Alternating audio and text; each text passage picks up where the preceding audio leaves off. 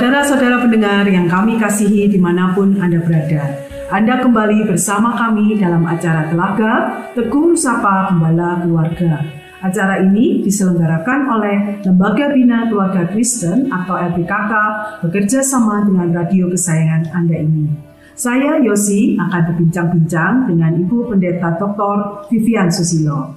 Beliau adalah seorang pakar dalam bidang konseling keluarga. Dan perbincangan kami kali ini tentang pengampunan dalam pernikahan bagian ketiga.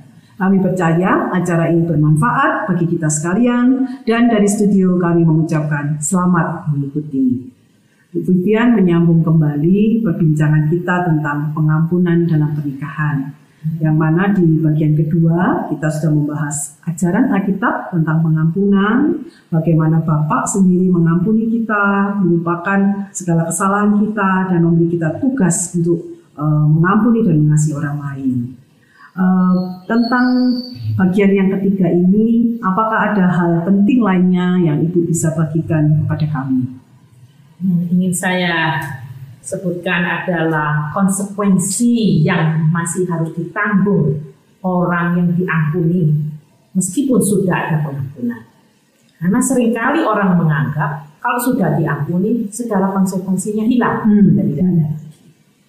Nah, itu padahal tidak demikian ya Bu ya. Nah, Oke, silakan Bu. Ya, seperti satu hari saya mengkonseling satu pasangan suami istri Nah ini karena terjadi hal-hal yang begitu membuat istrinya itu tidak bisa mempercayai suami karena perbuatan yang berbagai hal. Lalu suaminya mengatakan ini saya istri sudah mengampuni. Nah tapi kok sampai sekarang istri nggak bisa percaya sama saya itu. Maksudnya itu bisa langsung percaya sama dia lagi. Itu konsekuensinya karena perbuatannya berapa kali berkali-kali membuat dia nggak bisa mempercayai sekarang ini butuh waktu hmm. untuk mempercayai. Hmm.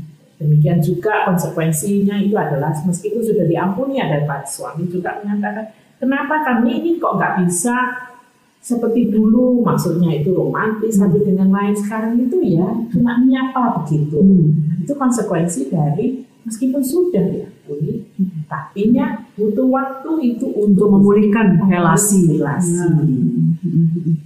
dan juga yang sering kali yang saya hadapi adalah orang-orang yang karena tindakan kekerasan. Ini sering kali tindakan kekerasan secara fisik, hmm. secara emosi, seksual, hmm. ya, dan penelantaran. Sehingga terjadi hal-hal yang menyakitkan. Bahkan ada satu klien saya yang ini tubuhnya ini 38 tulang-tulang di tubuhnya itu patah. Aduh. Dipukul suaminya ya? Dipukul suaminya. Kepalanya dibanting ke tembok. Hmm dia jatuh ke lantai, masih diinjak-injak perutnya, matanya dipukuli, ini telinganya dipukuli, ya, sehingga seluruh tubuhnya ini bapak belum. Akhirnya ini yang terjadi adalah suaminya ini ditangkap oleh polisi. Ya. Akhirnya ini setelah konseling, istrinya ini mengatakan permulaan saya nggak bisa mengampuni. Hmm. Tapi setelah mengerti apa artinya pengampunan yang sesungguhnya, dia mengatakan, oke okay, saya mencoba Hmm. Setelah dia mencoba mengampuni, ya memang tadi seperti dikatakan manfaatnya itu, hmm. dia mengatakan, pertama kali saya dapat tidur nyenyak. Tadinya kalau nggak minum obat nggak bisa tidur. Hmm. Itu jadi akhirnya dia bisa tidur nyenyak karena sudah mengampuni suaminya ya, waktu saat. Hmm. Tapi yang dikatakan, suaminya yang di penjara itu ya dibiarkan mendekam di penjara. Hmm. Tidak langsung ditebus dan diselamatkan, dikeluarkan gitu ya Bu ya. Hmm. Suaminya ini dimasukkan penjara 16 tahun. Oh. Karena perbuatannya memang sangat jahat sekali. Ya, tadi saya katakan istrinya tadinya dari orang yang bisa jalan, akhirnya harus pakai kursi roda. Hmm. Juga dia sering mengalami pandangan matanya nggak kabur. kabur, pendengarannya juga nggak baik karena dipukul, ditampar. Hmm. Perutnya juga banyak masalah karena diinjak-injak oleh suaminya. Hmm. Gitu. Jadi itu banyak organ tubuhnya yang rusak karena perbuatan perbuatannya. Hmm. Bukan hanya itu aja, ini si suami ini juga melakukan kekerasan seksual. Oh jadi ini istrinya itu dipaksa untuk hubungan seksual dengan anaknya mereka sendiri. Anak remaja. Wah, sakit Jadi itu semua yang membuat lalu dimasukkan penjara 16 tahun. Nah, melalui proses yang panjang, akhirnya dia bisa mengampuni suaminya, tapi konsekuensinya tetap harus ditanggung. Suaminya tetap di dan itu tidak apa-apa ya Bu ya. Kita sebagai orang yang uh, sudah mengampuni tidak perlu merasa bersalah dan apa merasa aku kok belum mengampuni gitu ya Bu ya. Nah, kalau kita melihat ini adalah tindakan kriminal, ya. ya tetap masih harus dilakukan. Hmm. Nah, ngomong gampang aja tentang kita melanggar, ya lalu lintas hmm. ada konsekuensinya kadang kita masih harus membayar denda. Ya. ya tetap itu denda harus dibayar. Bukannya lalu kita damai. Betul. Jadi orang yang membunuh orang lain seandainya ya akhirnya dia tetap masih harus mendekati mempertanggungjawabkan perbuatannya ya bu ya di hadapan hukum ya betul pertanggungjawaban itu masih tetap ada hmm. sering kali orang yang mengatakan sudah mengampuni ya sudah hilang semua hmm. Bukankah firman Tuhan mengatakan Tuhan melupakan dosa-dosa kita. Tapi ternyata Tuhan itu memang melupakan dosa-dosa kita. Tapi Tuhan juga mengajarkan kita ada konsekuensinya. Ya. Bisa ngambil contoh Bu di Alkitab uh, seperti apa Bu? Nah saat kita bisa melihat contohnya yang Raja Daud. Ya. Raja Daud dia ingin dengan Bathsheba sudah tahu Bathsheba ini adalah istri dari Uria. Nah, akhirnya dia tetap mau hubungan dan hamillah Bathsheba. Nah, Bathsheba memberitahu bahwa bahwa ini dia hamil. Nah, gimana menutupi? Nah, dia kan suruh datang. Ternyata suruh tidur dengan istrinya supaya seakan-akan kehamilannya karena Uria. Ya. Tapi Uria kan nggak mau.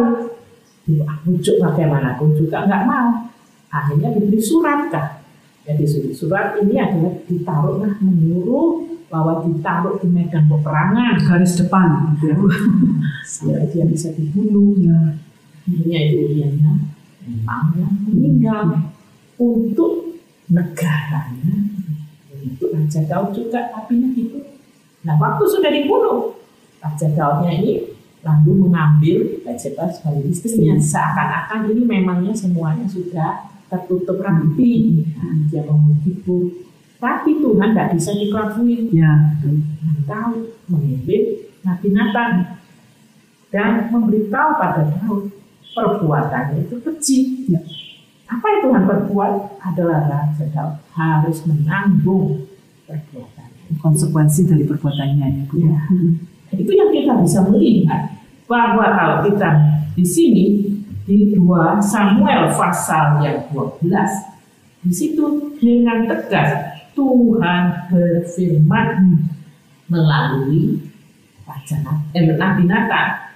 Nah, di sini Tuhan marah sekali dengan apa? Kalau kita melihat itu begitu banyak penjelasannya. 2 Samuel pasal 12 ini telah dikatakan mulai dengan ayat yang ketujuh kita bisa melihat Nathan berkata kepada Daud, Daud, engkaulah yang ini.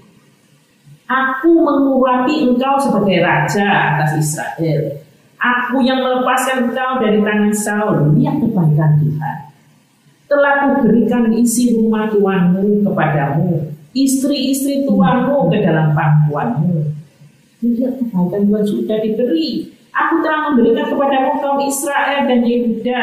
Seandainya tidak cukup tentu ku tambah lagi dan itu kepadamu. Mengapa engkau menghina Tuhannya dengan melakukan apa yang jahat di matanya? Jadi Tuhan menganggap perbuatannya menghina. Dikatakan ya. Uria orang Het itu kau biarkan ditewaskan dengan pedang. Istrinya kau ambil menjadi istrimu dan dia sendiri telah kau biarkan dibunuh oleh pedang Bani Amon. Hmm. Oleh sebab itu, nah ini konsekuensinya mulai ada. Tuhan mengatakan konsekuensi. Pedang tidak akan menyingkir dari keturunanmu sampai selamanya. Karena engkau telah menghina aku dan mengambil istri Uria orang Het itu untuk menjadi istrimu. Lalu ayat 11, beginilah firman Tuhan, bahwasanya malapetaka akan kutimpakan ke atasmu yang datang dari kaum keluargamu sendiri. Aku akan mengambil istri-istrimu di depan matamu dan memberikannya kepada orang lain. Orang itu akan tidur dengan istri-istrimu di siang hari, sebab engkau telah melakukannya secara tersembunyi. Tetapi aku akan melakukan hal itu di depan seluruh Israel secara terang-terangan. Jadi konsekuensinya begitu besar, melebihi tadi itu adalah satu orang tapi sekarang ini pedangnya sampai selamanya pedang nggak akan lepas dari keluarga. Konsekuensinya. Demikian juga dengan dikatakan ini kamu melakukan sembunyi. Sekarang ini terbuka. Lalu Daud berkata kepada Nathan, aku sudah berdosa pada Tuhan dengan kata aja minta ampun. Nah Nathan berkata pada Daud, Tuhan telah menjauhkan dosamu itu engkau tidak akan mati. Dengan kata lain, sudah diampuni. Daud mengatakan, bertobat dikatakan Tuhan menjauhkan dosa sudah diampuni dosa tidak akan mati tetapi konsekuensinya ada ada. coba dilihat di ayat 14 walaupun demikian karena engkau dengan perbuatan itulah sangat menista Tuhan pastilah anak yang lahir bagimu itu akan mati. Jadi meskipun Tuhan tadi mengatakan aku sudah melepaskan dosamu itu nggak akan mati. Tapi masih ada konsekuensinya. Tetap jalan. tetap jalan. Anaknya itu yang lahir akan mati. Selain itu tadinya konsekuensi yang lain tadi yang pedang. luar biasa itu. Pedang tidak lepas dari keluarganya. Selama lamanya luar biasa. Nah, selain itu apa lagi tadi itu yang dikatakan tadi ini istri-istrinya ini akan sudah terbuka itu ada perkosaan secara terbuka jadi dikatakan di sini kita belajar Tuhan ini juga mengajarkan kalau ada perbuatan kriminal tetap harus ditanggung Betul. meskipun sudah mengampuni. Ya. Ini sebagai eh, alat kendali kita ya Bu ya untuk benar-benar bertanggung jawab terhadap setiap perbuatan kita. Tidak seenaknya oh ya saya berbuat saya enaknya nanti kan diampuni. Tidak bisa seperti itu ya Bu ya. Betul, betul. Hmm. Dan kadang-kadang ada orang marah. Hmm. Loh, aku sudah diampuni, kenapa kok saya masih Hmm. dibiarkan seandainya berurusan dengan polisi gitu. Kan tadi yang saya katakan yang seorang Kasus ibu suami, itu ya. yang sampai babak belur 38 tulangnya itu patah. Dia membiarkan suaminya tetap di penjara meskipun dia mengampuni. Ya. Ya. Apakah itu juga yang dinamakan batasan tadi Bu? Setelah kita mengampuni, kita tetap perlu menetapkan batasan yang sehat. Nah, itu salah satu batasan, Hmm. tapi nggak semua batasan. Ya. Batasan yang mengatakan tadi itu ada salah satu konsekuensinya memang batasannya kita nggak mau disakitin lagi. Oke. Batasannya bagaimana tidak disakiti lagi yaitu dengan kalau ada orang yang seandainya suaminya selingkuh terus, ya batasannya ini adalah kamu memilih apa tanya suaminya. Kamu kalau memang terus selingkuh, ya mungkin ini bukan pernikahan yang mau dipertahankan, kan nggak bisa. Kalau suaminya mau berubah itu lain. Demikian juga mungkin orang ini melakukan kekerasan yang nggak ada habisnya, gitu. Hmm. Itu sulit. Hmm. Tapi yang di sini itu bukan hanya batasan, tetapi konsekuensi Iya. pertanggungjawaban atas perbuatan sendiri. Ya. Hmm. Ya. Jadi seandainya tindakan kriminal, ya tetap harus Ya. di urusan dengan polisi, akhirnya dia tetap dihukum. Dan kita tidak perlu merasa bersalah karena kita dianggap tidak mengampuni, ya Bu ya. Ya. Kita tahu bahwa kita sudah mengampuni, tapi kita membiarkan konsekuensinya di harus ditanggung oleh orang yang berbuat salah. Betul, itu kadang-kadang sulit. Oh iya iya, ya Bu. Eh, bagaimana kalau di perjanjian baru Bu? Eh, kan sepertinya Tuhan itu memang mengampuni, tapi eh, memperhitungkan tetap konsekuensi. Bagaimana di perjanjian baru? Oh, dengan kedatangan Tuhan Yesus yang dengan sempurna eh, menyalibkan semua dosa kita dan menebus kita. Apakah konsekuensi itu tetap ada buat kita orang percaya? Maksud saya, apakah kita tetap harus bertanggung jawab atas itu perbuatan kita, Bu? Nah, ternyata Rasul Paulus juga memberikan contoh orang yang sudah percaya Tuhan, hmm. tapi hidupnya masih mengikuti keinginan daging. Nah, itu ada konsekuensinya. Hmm. Nah, yang tetap harus ditanggung ya, Bu ya. Ya, hmm. bahkan konsekuensinya sangat besar sekali. Konsekuensinya dikatakan orang yang melakukan hal-hal yang mengikuti keinginan daging dikatakan tidak akan mendapat bagian dalam kerajaan Allah. Nah, Wah, berikan. Hmm. Jadi bukan hanya dia ini berurusan dengan polisi, hmm. tapi berurusan dengan Tuhan Allah sendiri. Dikatakan di Galatia di sini, Galatia pasal 5, bahwa orang barang siapa melakukan hal yang demikian tidak mendapat bagian dalam kerajaan Allah. Itu pasal 5 ayat 21. Jadi hal apa? Nah ini bisa dalam hubungan suami istri yang sudah mengampuni. Ya, jadi orangnya tapi tetap melakukan hal-hal yang ini. Ya, apa yang dikatakan di perbuatan daging oleh pasal 5 ayat 19. Perbuatan daging telah nyata yaitu ada percabulan, kecemaran, hawa nafsu. Jadi masih dia ini meskipun diampuni masih tetap melakukan ya, selingkuhan misalnya ya, ya Bu ya. Jadi itu ada percabulan, kecemaran mengikuti hawa nafsunya. Dan di sini ada hal-hal yang lain, penyembahan berhala, sihir, perseteruan. Nah, jadi mereka masih berseteru. Hmm. Tapi ada berhala apa? Berhala itu apa saja yang melebihi ibadah kita pada Tuhan. Hmm. Gitu. Mungkin pakai guna-guna sihir karena bisa ya. Setru satu dengan lainnya Lalu juga dikatakan perselisihan. Masih berselisih satu dengan lainnya. Itu juga termasuk perbuatan daging ya. Nah, itu kan dikatakan kan orang berselisih satu sama lain wah, itu adalah hal yang biasa dalam satu keluarga. Tetapi ternyata ini perbuatan daging. Lalu bisa iri. Nah, tak iri dengan apa aja. Mungkin ini yang bagaimana kamu melakukan yang lebih baik dan lain-lain sebagainya. Ini dengan berbagai marah amarah ini banyak itu orang dalam suami istri marah satu dengan lainnya ya. tapi ternyata marah ini perbuatan daging nah itu orang sering kali nggak tahu ya. kadang excuse ya bu ya nah. ya nggak apa-apa saya marah memang dia gini gini gini gitu ya bu hmm. ya kadang marah ini hmm. ya itu juga karena ya saya lagi stres di tempat kerjaan ya. lalu marah bahkan kadang-kadang ada kekerasan fisik lalu dengan kekerasan emosi mencaci maki ya. orang, mencari kelemahannya. Lalu dikatakan juga di sini kepentingan diri sendiri. Jadi akhirnya dia dengan kepentingan diri sendiri apa yang dia mau hmm. untuk dia sendiri, bukan kepentingan bersama. Hmm. Bukan kepentingan suami istri, bukan Maka, kepentingan hmm. tapi untuk apa yang dia sendiri. Lalu ada juga roh pemecah, roh pemecah.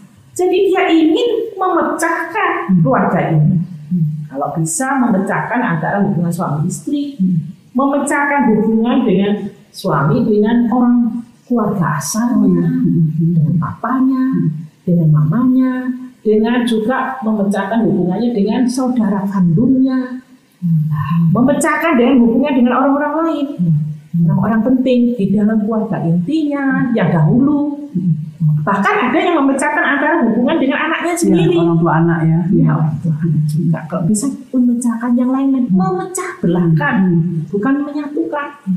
Lalu yang lain kedengkian.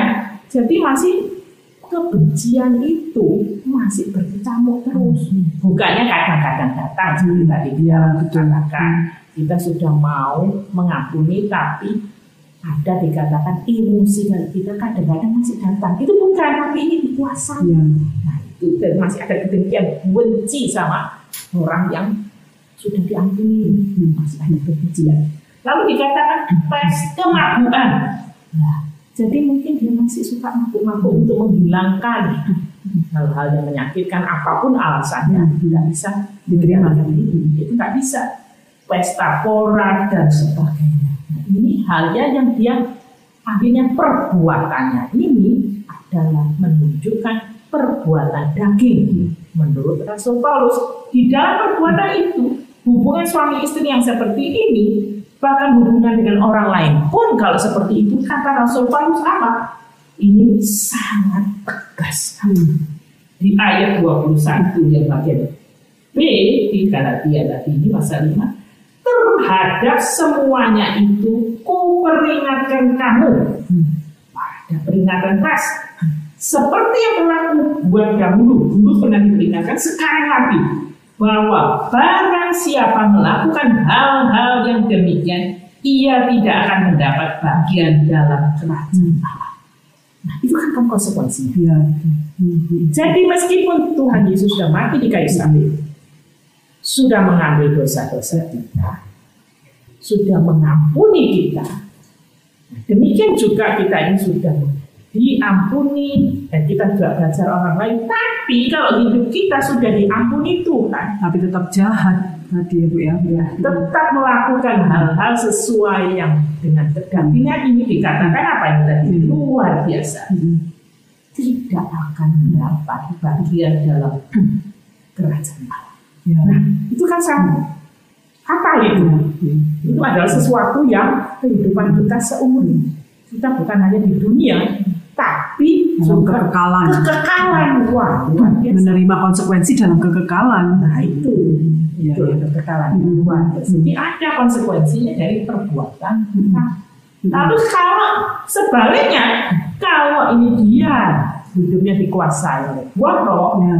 Itu adalah kasih, sukacita, damai sejahtera, kesabaran, kemurahan, kebaikan, kesetiaan, kelemahan dan kebutuhan penguasaan diri tidak ada hukum yang menentang hal-hal itu.